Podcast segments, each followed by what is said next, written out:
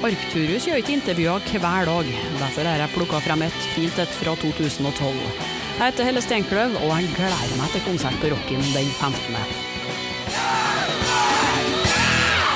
Hallo, kjære jernverkelyttere. Det her er Thomas fra In Recordings. Vi har nylig sluppet noen skiver vi er skikkelig stolt av. Einherjer ga nettopp ut norrøne spor, og det høres helt knall ut. Den er kraftig kritikerost og sitter som karrierebeste for dette herlige vikingmetal-bandet. Og death metal-heltene Obliteration er ute med Cenotaph Obscure. Det er en mørk, barsk og legendarisk metal av den beste sort.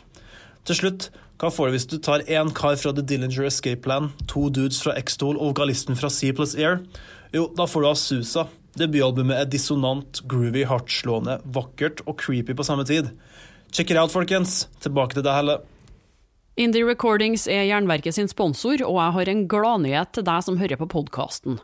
Alle Jernverket-lytterne får 20% rabatt på sitt første kjøp i nettbutikken til Indie Recordings. Gå inn på indierecordings.no og bruk rabattkoden JERNVERKET for 20% avslag. Men nå må vi tilbake til Arcturus her. Jeg gjorde et eh, intervju for Pyro i 2012, før de skulle spille på Inferno. Og siden den gangen har det kommet ei ny plat, det har blitt flere konserter, og nå skal Arcturus spille på Rocken den 15. desember. Det blir jo en hel haug med konserter neste år, annet på Beyond the Gates. Prøve å unngå det. Ok, da har jeg satt i gang opptakeren eh, her. Så da sitter jeg sammen med deler av Arcturus, sant? Hvem har vi her? Uh, Onkel Vortex, vokal. Ja, hei, det er Steinar Sverd. Du spiller på sverd, eller? Mm? Steinar Sverd, du spiller på sverd. Det var Ja, ja, ja. Ja, absolutt. Keyboard. Keyboards, ja. Det er det, vet du. Ja, hvordan eh, går det med dere? Skikkelig bra. altså Jeg er i hvert fall veldig glad, fordi Steinar har kommet med et nytt romskip i dag som vi skal ha på scenen. Han har snekret det hjemme i garasjen sin helt selv. Og det skal brukes for første gang tonight. Og jeg er veldig spent, så klart, om jeg klarer å rulle meg ut der eh, i, i krigen. Så det, der skal det skje mye. Vi håper døra er stor nok, så du kommer deg ut. Ja, jeg skal ikke spise mer enn to personer middag i dag, så da går det nok bra. Det blir litt sånn Lady Gaga det, som kom ut av det egget, eller hva det var? Oh, er det så avansert, da? På Lady Gaga. Det er Lady Gaga som er det store forbildet Ja, ja. til Turus. Dette her er egget vårt. Kult.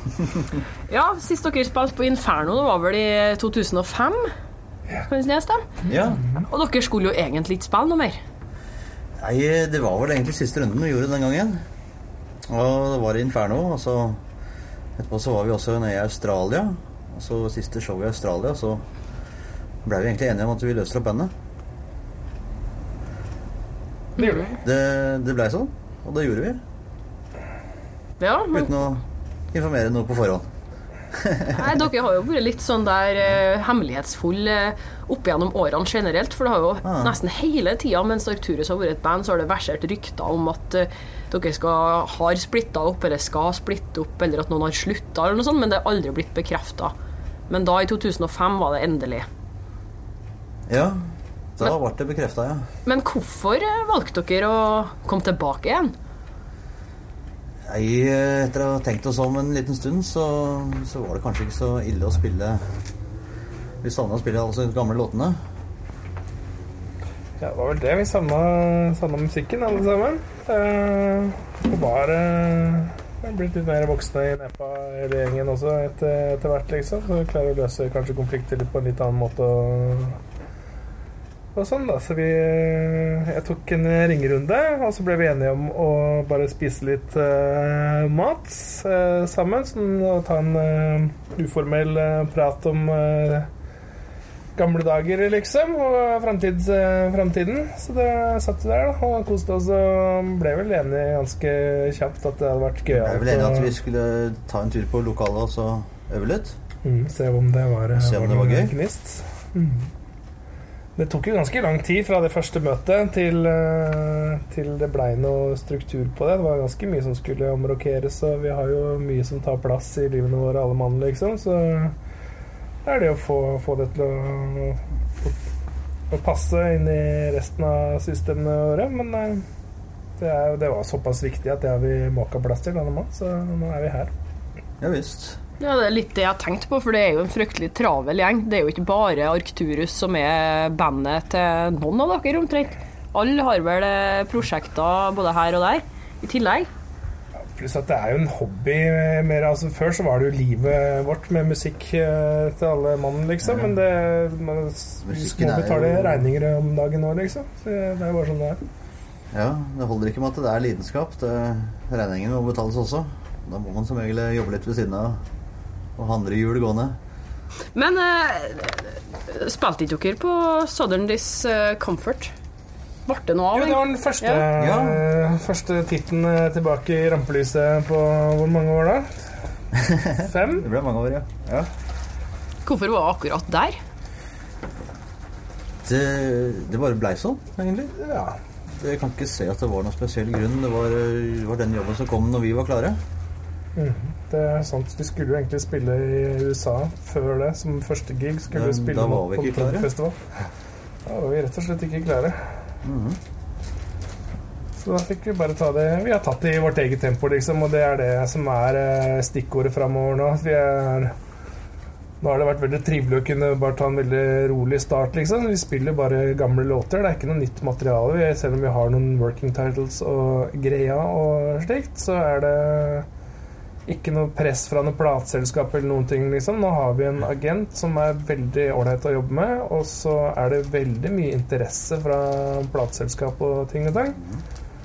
Så det er en veldig spennende gulrot som, som henger og, og dingler, både fra det ene og andre treet, liksom. Så Ja, det, det er masse spennende ting som ligger i eh, kladdeboka vår inne på tape. ja, vi har jo litt eh, Så det skal ikke så mye til før det tipper over og kanskje kommer noe nytt. Nei, det er ikke sant. Det er det som er målet. Det er det. Det er spennende, da. Ja. Så dere venter egentlig bare på å få det beste tilbudet? Ja, det, det går et lite rykte om at eh, det kanskje kommer noe nytt, ja. Det er det er litt artig da, å ha, ha den der kontrollen eh, når dere kommer tilbake, at dere kan velge og vrake litt sjøl. Ja, Det er Det er litt det. mer voksent Uh, t- ja. Litt kul, deiligere måte å gjøre det på. Vi har gått i alle de fellene som man kan gå i, liksom. Altså, det gjør man gjerne når man får platekontrakt som en ny 18-åring. kontrakt er en ny felle et eller annet sted. Et eller annet sted så sklir det ut hver eneste gang. Ja da, det er alt går eh, som kan gå gærent, går eh, som regel gærent. Det er Spinal Tap. Ja. Men eh, skal vi ta oss og gå helt tilbake til starten eh, nå? For historien om Arcturus det starter vel allerede litt etter midten av 80-tallet? Kan dere fortelle Ja. om de første årene? Eh, Det var Marius Wold og meg, Steinar. Så vi begynte å grumse litt med dette her, og så møtte vi Jan veldig tidlig. Hellhammer. Og da spilte vi tre sammen i Mortem en liten stund. Men Mortem er et helt annet band. Det er ikke en forgjenger av Arcturus, så der må man ikke forveksle det. Eh, og da spilte jeg gitar. Marius spilte bass og sang, og Jan spilte trommer. Men så Da vet Jeg ikke helt hva som var med dette bandet der, men øh, jeg begynte å spille synt. Og det var bare helt fantastisk å begynne å spille synt. Og det tok vel egentlig bare helt av. Så tenkte vi da vi fornyer hele pakka, og så kjører vi et nytt band ut av det. Og så bare setter vi strek over det Mortem, og så kjører vi Arcturus. Men uh, synt var jo heller ikke det mest brukte instrumentet heller i akkurat den sjangeren der på, på det tidspunktet. Nei, det var ikke det. Men uh, jeg spilte en dog synt, og så laget jeg musikken der, så da ble alle låtene ble komponert på synt, og så ble gitaren lagt til ved siden av. Så det var vel egentlig helt motsatt av det som var på den tida der, ja. Hvem flere eh, fikk de med dere eh, etter hvert, da, når Arcturus eh, ble et faktum? Ja, det, vi spilte jo inn første runden, så var det jo oss tre som spilte inn der. Og etter hvert så trakk Marius seg som vokalist. Og jeg satt jo på lokalet og, og skrev ned låter. Og da vi blei kompis med Kristoffer. Og vi ble enige om at eh, han skulle inn og prøve litt hos oss. Kristoffer Rygg, det. Ja, det syns vi fungerte veldig bra. Og da var vel egentlig låtene til Constellation var i boks den gangen.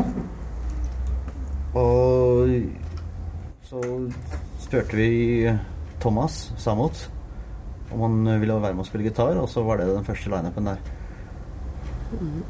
Men den Constellation-EP-en den kom jo ut i ganske begrensa opplag, gjorde den det? Ja, det, det Vi hadde allerede Aspera var på en måte på trappene. Og var planlagt den gangen vi spilte Constellation.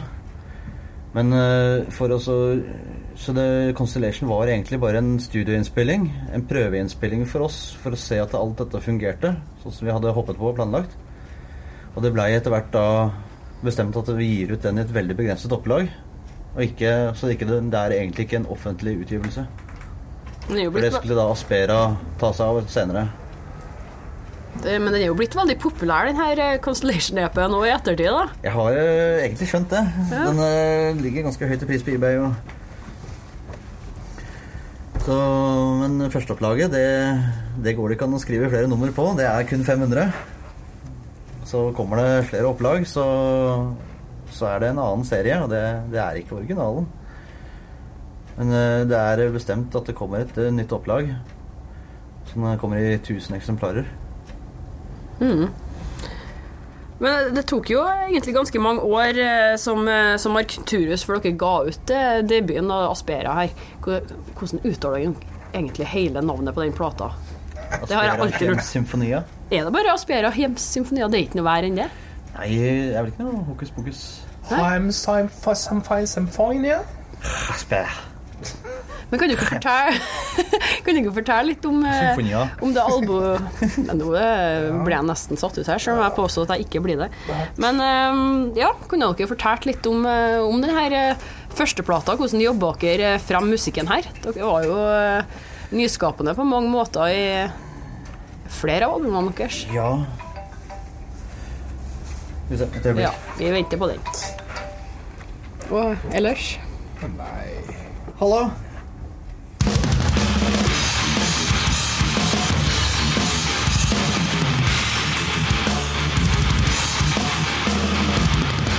Hvor mange intervjuer har du gjort, Steinar? Jeg? Ja, Ja, det er ikke så mange.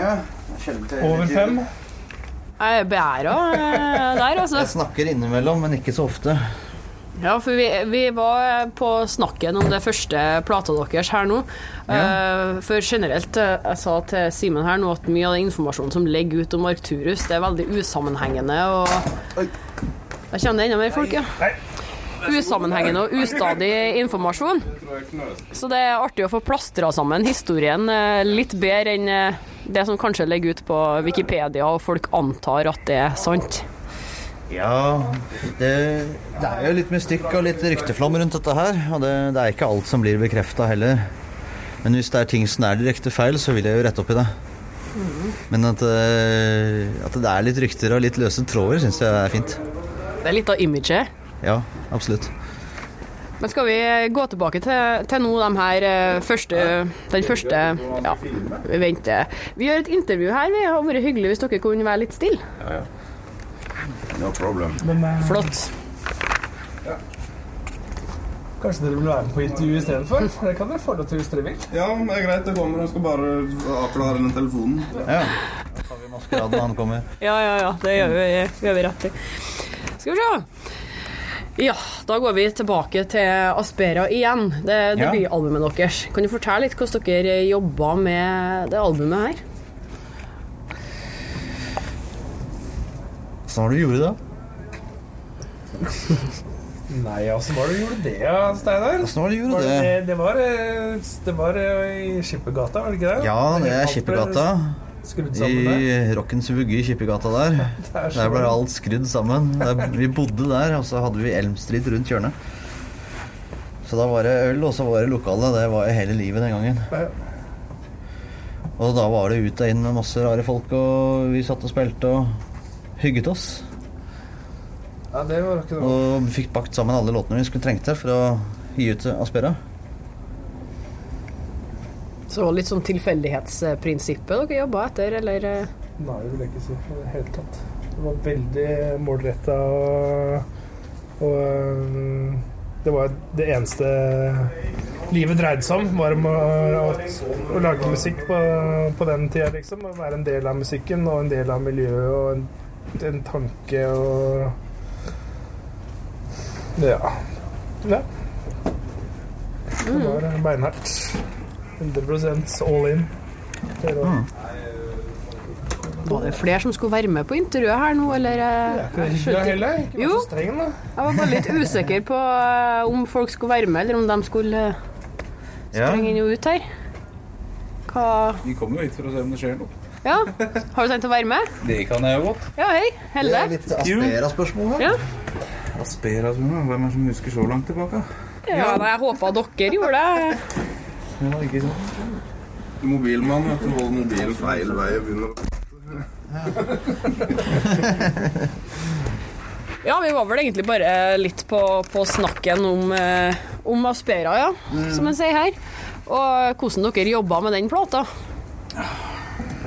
Sånn gjorde vi det. Som alltid før, i hvert fall for mitt vedkommende. Men eh, jeg kom jo til dekka bord. Jeg bare begynte å lage bassganger. Det fungerte jo veldig greit. Bare å begynne å snekre på en og en låt. Det var fort gjort, det. Men hvem var det som skrev eh, hovedinnholdet? Ja, det var vel meg som skrev eh, Jeg tror jeg skrev alle låtene. Uten noe input, stort sett. Det var vel du som var main man, Ja. var det ikke det? Jo, det var jeg som skrev alt på Ja, Aspera. det var sånn Ja. jeg jukser i hvert fall.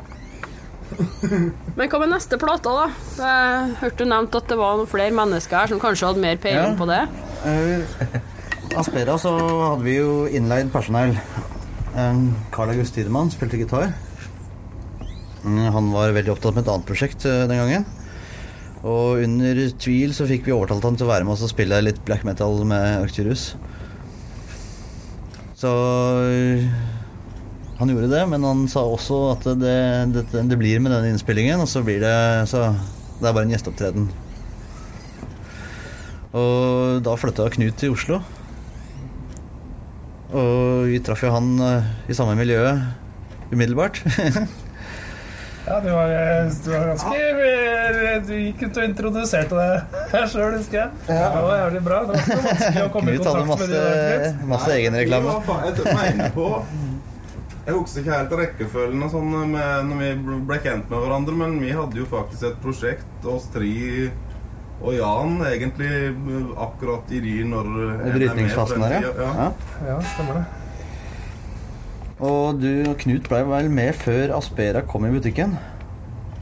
Det ble egentlig med Ja. rett etter man spilte inn. Sånn. Rett etter at man spilte inn, ja. Mm. For vi bestemte oss for at vi skal ha releaseparty og åpningskonsert med den plata. Og Knut plukka ned alle Tidemanns ting og krumspring. Så de ble på tre uker. alt. Ble spilt ja, plukka ned på tre uker. Ja. Og klargjort for en konsert. Og det var eh, i desember eh, 95? Nei, 96? Ja, var det 95, ja? Det begynner med Jeg lenge mener jeg så Da. 96. Det var før. Ja, YouTube det var og 95. Ja. Slike ting. ja. konsert i 95 i hvert fall. Før Det var internett. 95, ja. Ja. Mm. Og så var det Ja, da var vi egentlig godt i gang med La Maskerade, så den var jo tidlig i tidlig Ja, i 96. det var vi veldig produktive den gangen. av gårde med den også, det. Vi spilte vel den inn i løpet av 96. Så kom den ut i 97. ja. Det som det står offisielt, i hvert at La Maskerade kom i 97. Ja, Ja. men vi jobba jo da med han i 96. Ja. Og da var det kommet inn en del nye folk, som de sa. Sånn overlappa hverandre, og så over inn i ei ny plate. ja, vi hadde en ny gitarist igjen. Og i samme periode også så begynte Simen å være mer og mer på lokalet også. Det var skikkelig hangaround. da. Ja, du vet hva, ifølge Ablaze eh, til den tyske blekka som eh, mister Hva er han nå? Michael Schraum var det han som var her. og Svær branda, en eh, raring i hvert fall. Ja, Han eh, skulle gjøre Arturus-intervju. Han pressa seg inn eh, døra. Og, og jeg syntes det var kjempegøy. Jeg var eh, av med skjorta, holdt på med bilder og full pinne. Ja, Så, stemmer det. ja, da, så jeg har den blekka hjemme. Der står det eh, Simen Østnes. er vokalist i Arturus. Så det var mitt, eh, mine fem minutter i Arturus. i 96. Ja, Du, du tok på deg rollen rett og slett før du var vokalist? Ja, nei, for Chris var vel egentlig ikke så interessert til å jobbe med Arturus akkurat rundt da, liksom. Så jeg forsto det jo egentlig litt sånn at eh, han var på vei ut, og jeg var på vei inn. Og Ut ifra sånn øvingsmessig så var det jo sånn. Vi, ja, vi trengte egentlig å ha fullt antall mennesker på øvinga for å få fram dette nye, rare materialet vi drev med den gangen. Chris han ville liksom ikke øve så mye. Han, han bare Han ventet til materialet var klart og ville i studio. lage låter, spille ene ferdig. Og La Maskerade var jo ganske svære greier òg. Det var liksom ikke bare bare å sprette inn i studio og spille den på en dag. Nei. En La Maskerade er, er jo eh, en veldig sånn eh, Med Chris og Simen eh, Den hadde aldri blitt den hadde blitt med bare én av de på en eller annen måte, for den ble eh, alle ender, føler jeg. jo. Så det var en og sekk hele veien. Ja. Den som gjorde at ting Ja. føler ble enda større enn Ja, det var Virvare stemmer og oppi fire aktive stemmer av gangen og sånt. Det er ikke så lett å konsentrere seg om. Det låter jo som et kjempesprang mellom eh, de to skivene, egentlig. Men det er vel kanskje litt fordi eh, Aspera var jo egentlig lagd Ja, litt av den der ganske den skumle black metal-greia. Jeg tror litt av den glapp, og så hadde vi det egentlig veldig gøy isteden. Begynte å ha det jævla moro med øvinga, og liksom det inspirerte en til å gjøre mer. Det, det er et helt ras av interne melodier og rare ting som vi ikke har spilt inn. Som er fra maskeradetiden der. Og de hemmelige melodiene de har vi oppe og går på hver øving. Mange sånne småsnutter Interne små humorting som bare spilles i musikk. Og, så den la jo veldig bra grunnlag for senere spilling. Så kommer kanskje med på nyere utgivelser, da. Noe her småtteriet. Nei. Noe av det er våre hemmelige små melodier. det mest. Det, det syns jeg er litt gøy at vi har. Ikke sant? Så hvis noen sniker seg inn på øvinga, så vil nok høre det. Men dere plukka jo med dere eh, symfoniorkester òg her. Nei, det er ikke et symfonikoster. Det er, det er fire stykker. En Ok, En liten kvartett. Mhm. Men det er jo fortsatt en, eh, en gjeng Var det utenforstående eh, òg, eller var det folk dere kjente eh, som Nei, eh, det var Leid inn i dyre dommer. Rett inn der, fire stykker, Ja. som, var, som eh, gjorde oppdrag som var samkjørte på en måte i var det? Sikana-kvartetten, var det det? Var det det?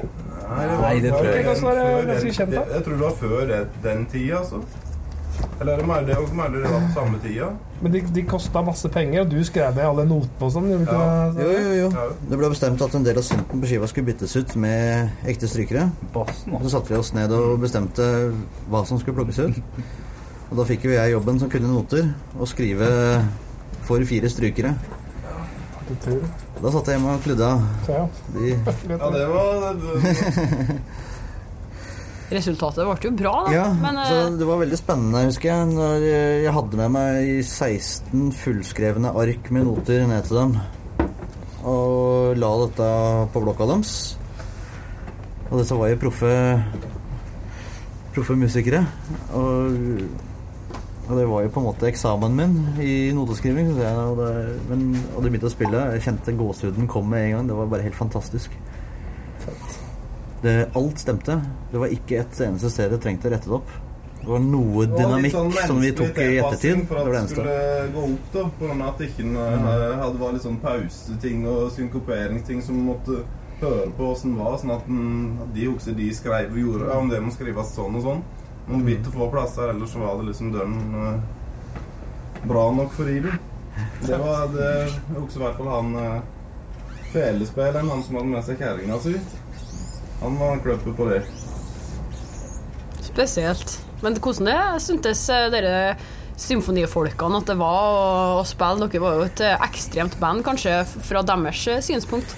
Nei, når de spilte gjennom disse notene her, så låt det jo egentlig veldig klassisk. Det er jo samme skalaene og samme harmoniene. Ja. Uh, med utspringet Og så er jo veldig mye klassisk fra oss, da. Ja. Jeg har spilt mye orgel før, og, og Knut også har spilt en del. Dem syntes det var dritkult. Ja, de syntes det var kjempegøy. Det- var en, det som- en fin utfordring. Det som var utfordringa for de, det var å spille med to stortrommer som gikk og hamra i bakgrunnen der. eh, Og så skulle de sånn men ellers så De syntes jo det var moro, da. Utfordringer og ja, spennende ting. Mm. Så det tok eh, én dag å få alt inn på tepp. Wow. Men hvordan eh, løste dere dette her eh, live, da? Altså, det er jo et svært opplegg. Og Live så er vi tilbake igjen på keyboard og har arrangementene inne der. Så da, da er det utelukkende keyboard alt sammen har vært spilt med. Og bass. Og bass. Da tar vi er det vi, Ja, da tar vi det vi har av instrumenter og bruker de.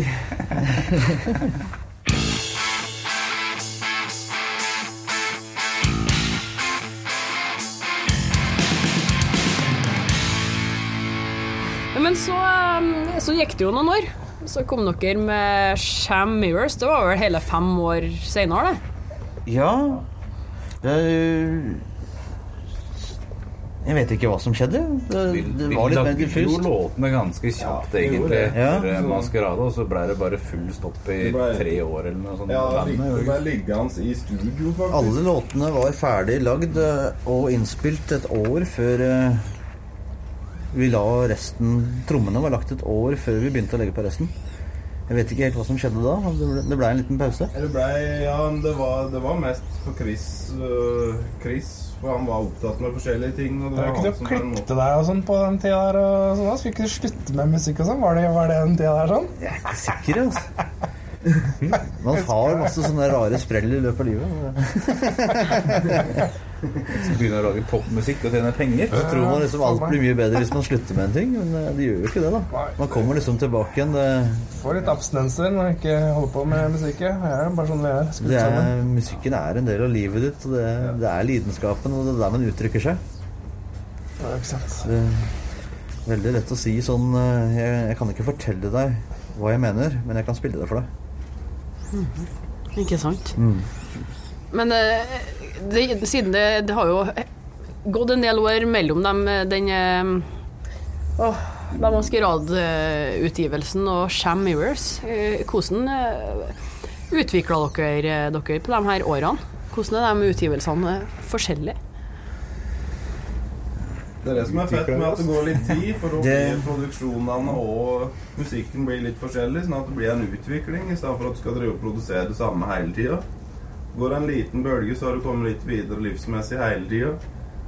Og derfor så blir det òg en slags progress i ting. om- Det, ja, det illustrerer jo en naturlig utvikling, alt det vi forteller i musikken der.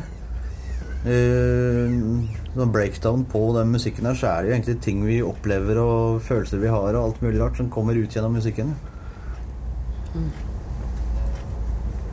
Absolutt. Og eh, det Sideshow Symphonies ble vel den siste Siste ordentlige utgivelsen som et fullstendig album. Ja, da var det fullt sirkus igjen, altså. For da hadde det vært litt sånn eh, turnering, og dere hadde vært fors- forsvunnet en periode og kom tilbake og var litt hemmelighetsfulle Arcturus. Ja. Radical Cuts var skrevet øh, allerede før Sham var ute, tror jeg. Det var den første låta jeg skrev der. Og Shipwreck Frontier Pioneer, den var også veldig tydelig Den er jo på skrevet. den, da. Ja, Hva for noe? Hva for noe? Radical, ja. Er Men eh, de første Den Shipwrecked. Frontier Pioneer den, er- den var jo skrevet Det var den jeg skrev først. Ja. Vi har live mimring her nå. er. Viktig med et intervju i ny og ne, tror jeg, så man plastrer sammen eh, hukommelsen. Ja, Ja. Jeg tror ikke jeg kan delta i noen quiz. Nei, det blir Det er noen andre som har bedre greier på Arcturus i historie enn det vi har, altså. Ja, men eh, vi kan jo bare fort fortsette litt eh, og drodle omkring eh, Sideshow eh, Symphonies og den her eh, eh, diffuse perioden mellom Sham Mirrors og, og den. Det var jo en annen vokalist inne i bildet der også, Øyvind Hegeland. Jeg, Ja. du, jeg tror jeg fikk en Arturus eh, demo av deg i 2002 eller noe sånt. Nei, 2001 fikk jeg noen riff-greier. For da Det likt var i en periode der, ja. Og Chris jobba jo veldig mye med ulver og gjorde andre ting. Og jeg begynte jo å lage nye låter, og så satt jeg på puben en kveld, og så er det jo en arrangør fra Kristiansand som sier om Bjørnar. Bjørn. Det var kanskje Bjørn, ja. Bjørnar. ja. Han skulle slenge en hel haug med penger på bordet hvis han fikk Arcturus i Kristiansand. Og da, Jeg har jo hatt lyst på konsert i mange år. Å få dette ut på veien. Og jeg sa egentlig bare deal uten å prate med noen andre. Så kom jeg hjem da og forklarte at uh, nå har vi booka konsertgutter, så nå må vi begynne å sette sammen sett og øve. Nå, nå skal vi ut og spille. Uh, Chris han fortalte meg vel egentlig Ja, det høres interessant ut, det. Kanskje, kanskje vi er klar for å komme oss ut og spille litt. Det gikk det to dager, vel. Så innkalte Chris til møte. Så forklarte han da at eh, han ville slutte i bandet. Så da sto vi der med booka konsert og uten vokalist. Og måtte bare finne på noe. Ja, og hva skjedde da? Da Da spurte jeg Jeg var prøvde å få tak i deg. Ja, jeg mener også at vi spurte Da var, da var du veldig opptatt med Dimmy Borger. Ja. Og så var jeg litt lei av å ta, etter, ta over etter Chris eh, hele tiden også, liksom. Ja. Jeg har gjort det Det, Jeg, det blir liksom så jeg fikk ikke den responsen jeg ønska akkurat der da. Okay, Så da-. Var det ned på puben, og så fant vi Hegeland. Det var på topp, liksom. Ja, det var, var nok Dimborger, og så var det det også Det, det var eh, med det som hadde skjedd eh, før og sånn, at det med fra eh, Ja, fra forrige gang. Fra hus, Husker jeg ikke hvilken skive det var. Det sa vi akkurat nettopp. Whatever. Ta bort akkurat denne mumlinga der, er du snill. Ja, det, er ikke, det er ikke live, så ta det med ro. Vi redigerer det så godt vi kan. Ja, men uh, Simen var ikke klar for oss å spille akkurat den gangen. Men vi hadde en booka konsert, og vi måtte i gang. Og da Manitou har jeg alltid vært fan av. Det er meget bra. Så jeg bestemte meg for å spørre Øyvind. Og han fant jeg på Elm Street, husker jeg. Så gikk jeg inn der og tok jeg tak i han og så spurte jeg Er du Øyvind Hegeland. Ja. Vil du synge for Arcturus? Og han svarer Men jeg kan ikke synge. ok, men da prater vi om det i morgen, kanskje, da. så etter en liten rask avklaring der, så blei vi enige om at han skulle inn og prøve. Og han fikk utdelt tekster og låter, og vi prata litt. Så hadde vi en test på lokalet og fant ut at dette her det låter helt glimrende. Så vi kjører go. Så da var han vokalist i Auxilius den gangen. Og vi kunne jo fylle opp posen posene våre med flere konserter. Og var litt rundt og spilte. Så det var utrolig godt å komme seg ut og få spilt disse låtene ute. Og få responsen tilbake igjen og så se hvor mye dette har gleda andre mennesker. Var det da før eller etter det her Sideshow kom? Den kom etter. Ja, kom etter. Var det da med Ja, han de på første, første Sideshow-låtene der De var jo skrevet uh, rett før og under når Øyvind ble medlem. Det var 'Shipwrecked Frontier Pioneer'. Den var jo skrevet først. Så han gjorde Øyvind gjorde en preprod, tror jeg, med, Med to det- låter eller noe. Men Ja. det, To var ikke, det var ikke tekst, men det var bare to Sang, sangen din toner, da. For, Ja, okay. Fire av Sideshow-låtene var spilt inn på preprod, ja. Ja, fordi jeg hørte de uten eh, vokal, for jeg ville ikke høre det som Øyvind hadde gjort. Mm. Men når jeg hørte den preproden der da, så eh, Men det var kanskje et steg før det, for Øyvind var ute av bandet fordi han skulle kjøre til, eller flytte til Sverige eller noe sånt. Da, Han flytta med jobben sin til Sverige. Ja, riktig. Så da spurte du meg igjen. Da fikk jeg den preproden. Da var du litt klarere. Ja, da var jeg kjempeklar, Mm. fordi når jeg fikk eh, den preproden, og da bare kom tekstene, og Mm. feelingen bare kom rett, trillende rett inn, liksom, så det bare Da kunne det være det samme om jeg måtte uh, steppe inn for uh, hvem som helst, liksom, for det var det, det, Jeg følte at det der var Det måtte jeg bare gjøre. Det, var en viktig brikke som, uh, som kom på plass der, sånn. Det, så det var helt sinnssykt bra. Så det ble vært hus for alle penga. Da slengte jeg med, ja. Jeg måtte det. Det fantastiske materialet som er på den skiva her. Ja, da var det full pakke. Da var det bare å kjøre på. Skrive resten av låtene. Og tilpasse de, så alt vokal og alt passa sammen. Og det ble en kjempepakke. Men det varte jo ikke så lenge etter eh, det her igjen, da når dere hadde fått ut den plata. Sideshow. Det, når var det? Det var i 2005. Ja, og 2005 var det vel da lokket ble lagt? Eller var det 2006? Nei da, vi spilte Vi dro ut på turné Australia er i 2007, faktisk. plateslippen. Ja, Og spilte litt 2007. eh, Spilte konserter litt her og der, og i 2007 var det sånn fire konserters tur til Australia, og da ble det vel slutt. Ja, det var i 7, Det var i mars eller noe sånt, det var tidlig på året 2007.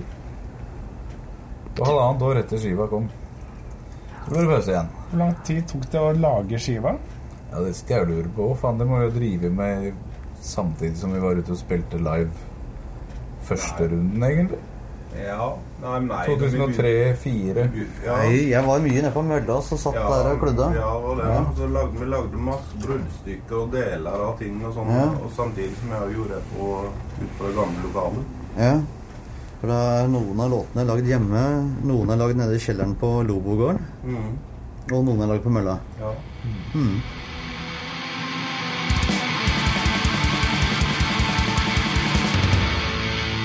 Begynner vi å få en slags eh, tidslinje her som muligens går an å plastre sammen hvis en eh, lytter nøye etter. Ja. tror jeg. Ja. Men hva gjorde dere i de her årene mellom? da? Det var vel sikkert en del eh, triste både plateselskaper og fans og bandmedlemmer når dere la inn åra. 2007 og fram til i fjor. Jobba og styra med Alle, ting. driver, Snekra alle, driver med, alle driver med forskjellige prosjekter, band eller andre prosjekter utenom. Og det var vel alle drev med sine ting, rett og slett. Sånn at det tok tida, så det var ikke noe tid til å tenke på Arturus engang. Snekra hus, fløy hangglider. Masse sånn tidkrevende greier. Motorsykkel, masse is. I fjor så datt jeg ned og slo meg, og da begynte jeg å spille igjen. Og det som gjorde det, ja. Jeg vet ikke, jeg fikk et slag i huet òg. Fikk et slag både her og der, du, Steinar. Vi var litt redde for eh, at eh, Ja, det var så vidt. Vi trodde jo ikke at du kanskje skulle klare å spille igjen, eh, egentlig. Det var ganske hardt. Det var ikke en eller annen konsert som hang litt i lufta akkurat pga. skulderbruddet ditt. da Ja, du må jo ha vært i Kristiansand. Du klarte ikke å røre på fingra engang. Nei, det var litt skummelt en stund. Men eh, det er jo glemt nå, da. Ja. Så du klarte å trene deg opp igjen. Ja. Og det har jeg ofte tenkt litt på, hvis man blir utsatt for eh, ganske alvorlige skader i eh, fingrene som man jo bruker på instrumentet. Hvordan klarer man å motivere seg da til å komme seg opp igjen som musiker? Tålmodighet. Det er rett og slett for på kutte av med fingeren her òg, som jeg bruker hele tida uh, sjøl. Og det er tålmodighet. å bare vente og håpe det kommer, så kommer det. Liksom. Kan man egentlig snu på det der? Altså, Hvordan klarer man å motivere seg til å trene opp gjennom fingrene hvis man ikke har musikken til å være med å dra, for å si det sånn? Det var lettere da hvis en har et band man ønsker å spille i. Så da var Arcturus eh, hovedvalget, sant? Ja, det blir det, vet du. Men tenkte dere egentlig nå på det her i, i årene imellom, at det egentlig var litt trist? At dere ønska Så klart, det er jo det er litt stille, liksom. Du savner liksom litt den der å være ute og få feedbacken på det. Det var liksom egentlig allikevel når vi først møttes på lokalet og begynte å spille de gamle låtene, da gikk det jo opp så klart som dagen at faen, dette må vi jo bare begynne med igjen. For da det virkelig gikk opp for meg i hvert fall at fy faen. Ja, må å vi- bli en gammel plate, så det er klassikere det også, plutselig. det er ikke disse nye, rare låtene som vi lagde. Nei, ikke sant? Nå blir det vel Kanskje det snart blir en ny skive, og da blir det nye, rare låter som vi må venne oss til. Og Ja, ja. inkubasjonstiden er vel nesten ti år. I hvert fall fem-seks. Ja, men Du sier absolutt noe der. Altså, det dere gjorde den gangen, eh, var veldig rart da, men Ja. nå er det jo noe som alle sammen husker og kjenner igjen og, og savner. Kjempeskummelt å gi til noe nytt, liksom. Ja, det jeg tenker, Hvordan skal dere klare å toppe det her, eller eventuelt følge Ja. på videre? Jeg Ja, det skal faen meg godt gjøres. Det. Ja, nei, det er bare å fortsette. det, altså. må bare kjøre på. Ja, ja, Ja. Lage det vi kommer til å eh, gjøre, akkurat sånn som vi gjorde når vi drev med sideshow. Det ble liksom på samme måte. Vi gjør nok akkurat som vi gjorde forrige gang. Vi spiller det vi har lyst til. Ja, ikke sant? Jeg hadde veldig følelsen av at sideshow den kom til å ramle ned som en skive som ikke blir lagt merke til, egentlig, i forhold til sham og maskerade. Men Men det skjedde jo egentlig ikke det. Det har jo bare vokst og vokst. eh, Han gjør det. Eh, Sideshow. Moro. Inkubasjonstid på ti år, ja. Ja, Nei, så det skal han ikke bekymre seg for, altså. Dere er jo litt, eh, litt bortskjemt med gode kritikker òg, da. Så eh, når man kommer tilbake igjen, så vil du vel gjerne Jeg, jeg fikk akkurat der, en mail fra plateselskapet nå om eh, Hvor det var eh, alle presseutklippene fra Sideshow. Og der eh, jeg skulle jeg liksom se det, så så jeg første jeg trykka på omtrent, tror jeg var eh, Den vokalisten her, han kan jo ikke synge i det hele tatt. Synger bare dritsurt. Og jeg må ikke kjøpe den skiva her, sånn, for han kan jo virkelig ikke synge. ja fin Så jeg veit hva han heter. Jeg veit ikke hvor han bor. Men de sier ikke det om deg i dag. Nei, altså det var, det var jeg synes det var litt gøy, for det, det Da måtte jeg selvfølgelig lese gjennom resten som var der òg, det var jævlig mye. Og det, var- det var jo veldig, veldig bra, resten der. Så det var Så folk må, en kar som ikke likte det i det hele tatt. Men folk må jo få mene det de mener, da. Så jo den der reviewen vi fikk fra Kristiansand nå. De klagde jo på at det var jo ikke noen gitarsoloer, og det var bare tull, liksom. Det er jo gitarsoloer i hver eneste låt, ikke sant. Ja, men sånn er det jo. Altså, liker vil jo klage musikken, så på ting. de fordi at de Hvis syns det er dårlig. Og I hvert fall hvis det har vært utskiftninger i bandet. Liksom. Altså, den, den første vokalisten er jo alltid den beste. Og, jeg, og sånn, sånn er det uansett hvilket instrument Plateselskapet hadde jo eh, inkubasjonstid på, på skiva. Ja, men jeg, jeg for eksempel Jeg syns den første vokalisten i Iron Maiden er den kuleste. Selv om eh, Bruce Dickinson er en fantastisk mann, liksom. Så vil jeg vil jo mye heller egentlig se Paul Diano. Det er to forskjellige karakterer. Han første har med en, måte en slags sjel, på en måte. Ja, Han andre det. er mer sånn teknisk, Ja, teatralsk Mm, ja. tek, Ja. Idrettsmann på en, på en måte. Liksom. Ja. Det kan du trygt si. Joggebukser. Men det er komplisert musikk å gjenskape live ofte òg, for det er jo sjelden man får den lyden man ønsker i et lokale. Og Rockefeller er jo heller ikke akkurat uh, musikkens uh, vugge når det gjelder bra lyd, så Ja, hvordan skal dere kompensere her? Ja, innimellom så kunne man egentlig hatt eh, flere sett med armer. Det skulle ikke vært noe problem å ha noe å trykke på. Uh, så i all hovedsak når man skal ut og spille dette live i studio, så vil man alltid legge ting dobbelt og, og legge på litt ekstra ting. For da har man både tiden til hjelp, og man uh, har et utall med hender som man kan legge oppå hverandre. Det er sånn det er vanlig å produsere album, rett og slett. At du lager for studio, og så blir det en live-variant. Og så, så alle stemmer som er aktive og som er dominerende fremme i lydbildet og sånt, de vil da bli prioritet eh, til live, da. Det er jo egentlig bra du ikke har flere armer, for det vil jo bare blitt mer kaos live. Det blir enda mer å tenke på. Ja, ja, men altså lyden hvis, hvis vi skulle hatt alt fram live som det som er på skiva, så hadde det jo blitt litt vanskelig å kjøre lyd. Det, skal være enig. Eh, Det er utrolig flott å kunne lage en liveversjon av dette her også. Noen ting blir forenkla lite grann. Som passer til eh, volum og, og lyd og det som er ute. Det er jo synten som blir forenkla, liksom. Ja. Å ha små hviskende detaljer og sånt live, det er ikke alltid det vil komme frem, egentlig. Nei. Så da Nei, det er ikke så nødvendig. Faen, du skal stå og følge med på Arcturus live, så tror jeg det er veldig greit å slippe å ha noe særlig mer enn det som vi fem klarer å spille. For å si Det blir nok trøkk, det. Massevis. Rock'n'roll. Ja, det blir det. Men er det noen som har spora opp denne hemmelige hviskingen som eh, Jeg husker ikke hvor han er engang. Først Hva slags hemmelig er det det du hvisking er det snakk om? Nei, ikke på Maskerad. Nei. på Sideshow? Ja. Nei, er det et hemmelig trekk der òg? Nei, det er ikke et hemmelig track. Men eh, det, det er litt uh, hemmelig prating, hvisking, i enden av en av låtene. Sånn uh, Istedenfor å klippe det bort, så muta vi det nesten ned. Ja, Så hvis du hører nyheter, så kan du høre et eller annet sted hvor vi prater sammen. jeg Mellom har ikke hørt på den skiva. Er det seksuelt? seksuelt du sier? Nei. Husker du hvilken låt det her er på? Eller er det litt sånn eh, opp til det, blir for, den det blir for streit. eh, Det husker jeg ikke. Jeg husker ikke hvor det er, Ikke eh, si det, Steinar. Nei. Nå må jeg sette meg hjem og lytte, da, for jeg har vært nysgjerrig her. Ja, kanskje noen finner det. Og enda verre hvis noen klarer å høre hva som blir sagt. Kanskje vi skal ta en quiz på det? Klarer dere å finne ut hvor den hemmelige hviskinga er, er på eh, Sideshow Symphony, og hvem snakker? Hvem prater, og hva blir sagt? Oh. Er Tiårets, eh, nei, millenniets eh, største spørsmål, kanskje det. Ja, Ja, men kanskje vi skal kjøre quiz på det. Eh, nå har vi jo jaggu snakka i 45 minutter, og det, det er jo utrolig, utrolig bra.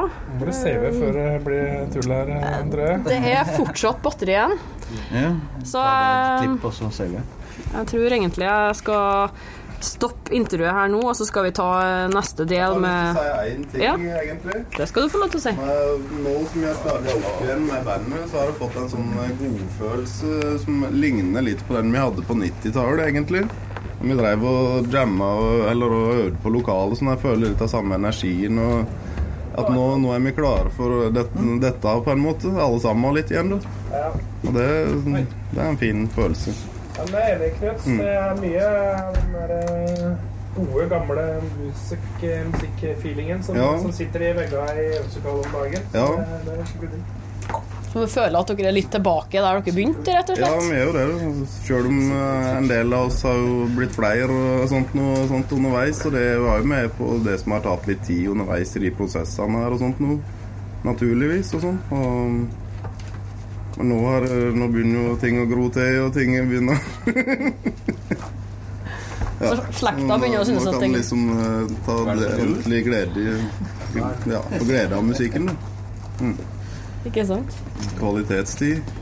Men uh, det som egentlig gjenstår, da, er mitt beste, mitt beste rockeminne. Fin lyd. Men det går an å drodle litt om først, tror jeg, for at det er vanskelig å så ta det på én setning. Ja, hva ligger den i rockeminnen, mon tro? Altså, det kan være alt, eh, Jeg har et alt fra den minne som eh, sitter som et skudd. Ja, hvis vi får, eh, får den til å holde kjeft, så Ja. Ja, eh, Steinar Sverd. Det beste, eller rareste minnet jeg har, det var en gang eh, på begynnelsen av 90-tallet. Jeg satt i kirken og spilte orgel. Jeg hadde fått egen nøkkel. Jeg kom ut i kirken der og koste meg ordentlig. Eh, Jeg trodde det bare var en vanlig organist som jeg spilte for. Og det, kirken var tom. Jeg spiller hele Toccata Fuge av Bach. Den er ni minutter lang. Eh, På slutten av den så kommer plutselig lyset på i kirken. Og jeg tenkte å herregud, er det fullt av folk nedi her nå? Sitter alle nå stille og hører på at jeg faktisk sitter og spiller dette tullet? Da jeg spilte ut de siste tonene, og opp trappa så kom jo han organisten. Og Først da presenterte han seg, og han var da førsteamanuensis på komponistavdelingen på Musikkhøgskolen. Jeg var jo da selvlært, sittende bare hjemme og tulle med dette her. Og så får jeg tilbakemeldingen. Dette her var faktisk meget bra. Det var ingenting å utsette på verken tempo eller fremførelse. Men du spilte én tone feil. Der spilte du en eh, D istedenfor en E. Det har han stått av nede på gulvet og hørt. da fikk jeg egentlig litt bakoversveis. Jeg tenkte meg, faen, kan man egentlig bli så god? Da er du god. Ja. Det, det beste rockeminnet En av de gøyeste rockeminnene er eh, når vi skaffa røykemaskin på lokalet. vi sto på et utested og hvor de hadde røykemaskin. Den hadde vi jævlig lyst på. Og jeg eh, dissa DJ-en som sto der, slik at han var helt oppmerksom. Knut sparka hull i veggen der røykemaskinen satt, og putta den inn i jakka si, og så reiste vi på lokalet. ok, det føler jeg kanskje er riktig at du forteller som rockeminner. Eller er det hemmelig? Nei. Jeg syns ikke det skal bare Det går an å Det går Kan at vi, vi gikk, Etterpå så gikk vi tilbake igjen. Fordi vi hadde lyst på dette blacklightet som hang i, ned, i oppgangen rett innenfor dørvakta der. hvor jeg nok en gang eh, dissa dørvakta, så han forsvant ut. Så skrudde Knut ned hele blacklighten og tok med seg. Og så sa han 'ha en fin kveld' til dørvakta. For en gjeng pøbler. Rett og slett. Ja. Ja, noen Men effekter er litt viktig å ha på Det er 90-tallet, egentlig, det historien der. 90-tallet var hardt og brutalt. Så kan vi heller prate når den Jeg husker den Muse-konserten på um, Roskilde. Det var jævlig kult. Når liksom oppdaga Muse. Det var skikkelig seint ute, men det er egentlig sånn sett. Men fy faen, den konserten det var det feteste jeg har vært på. Bandet jeg knapt har hørt før, og så var det så bra. Jeg ble bare helt satt ut. Da kan du ta det, da. Presentere deg og hvilket band du spiller i. Jeg skal ikke fortelle om den gangen som jeg lå i gangen på med Mayhem og Arturus lokale, og eh, midt på natta så bare hører jeg de drar i døra, og så og så eh, står Jan Aksel der og begynner å pisse i hjørnet i et så stort rom. Jeg legger krøll i nesen. Han tok feil dør til lokalet, men han hadde ikke tid til å bytte dør igjen. Der ligger jeg midt i gangen. er sånn ble som plutselig eier dassen til Jan. Da tror jeg vi setter en stopper for dette her. Ja, det, er ikke, det er jo ikke noe men det bare Hvis tenke etter, så det er en av de tingene som jeg husker, i hvert fall. Det også tusenvis av første Maiden-konserten med i Drammenshallen. Det var Ja. stort. Det var også den største, eller første konserten som jeg fikk dra på alene, liksom. ja, ja, det var den første store tingen jeg var- jeg hadde gjort på en del konserter. Du peik noe jævlig i øret etterpå? Ja, du peker jeg, ve- veker i mine øyne var helt sinnssykt. Så jeg er rimelig misfornøyd med at det ikke låt akkurat som Live After Death heller, for det gjorde dere ikke i det hele tatt, gitt. Nei. Det var litt mer feil og litt falskere synging. Ja, ja, ja. og Det works. Det er bra Den beste rockeøvelsen, ja. Vi kommer på Roskilde. Vi setter opp teltet vårt. Alt er kjempefint. Vi får oss noen pils. Alt er kos. Og da det var kvelden før det, festivalen begynte. Og vi våkner opp om morgenen. Da har det styrtregna hele natten. Og ut ser vi en helt annen virkelighet hvor alt er brunt og gjørmete midt på leggen. Og sånn var det resten av festivalen. Ja, men det som var fett, det var at vi våkna opp til å høre at noen telt drev og spilte Arcturus, liksom. Det var Ja, det var. Roskilde før eh, Ja, ok. Ja. forrige Roskilden, da. Ja. Du har hørt et intervju med Arcturus her på Jernverket podkast, utført for Pyro i 2012. Den 19. desember spiller Superlynx på Blå, og i den anledning skal vi høre et intervju vi gjorde i fjor. Det, med liksom eh, noen gamle gråhåra menn som til slutt står og har noen tårene triller nedover ansiktet for de syns det var så mektig opplevelse. Altså det, det, det gir jo veldig god selvtillitsboost. Før vi avslutter, vil jeg minne om at du kan få kjøpt et fint knippe plater i nettbutikken til Jernverket sin sponsor Indie Recordings. Alle Jernverkelytterne får 20% rabatt på sitt første kjøp. Bare oppgi rabattkoden Jernverket når du handler. Akkurat nå vil vi trekke frem Einherjer sin Norrøne spor, Obliteration sin Cenotaph Obscure og debutplata til Asusa. Du får altså 20% rabatt på første kjøp til Indie Recordings med koden Jernverket. Abonner på Jernverket podkast via podkastapp, eller gå inn på jernverket.kom. Ellers vil jeg tipse deg om at Jernverket sin julekalender er i gang. Vi åpner ei luke hver dag med nye gaver, fra den 1. til 24. desember. Følg Jernverket på Instagram og Facebook for å delta, og husk på å abonnere på Jernverket podkast via podkastapp, eller gå inn på jernverket.kom. Jeg heter Helle Steinkløv og gir deg et nytt eller gammelt hardrockintervju hver fredag. God adventstid!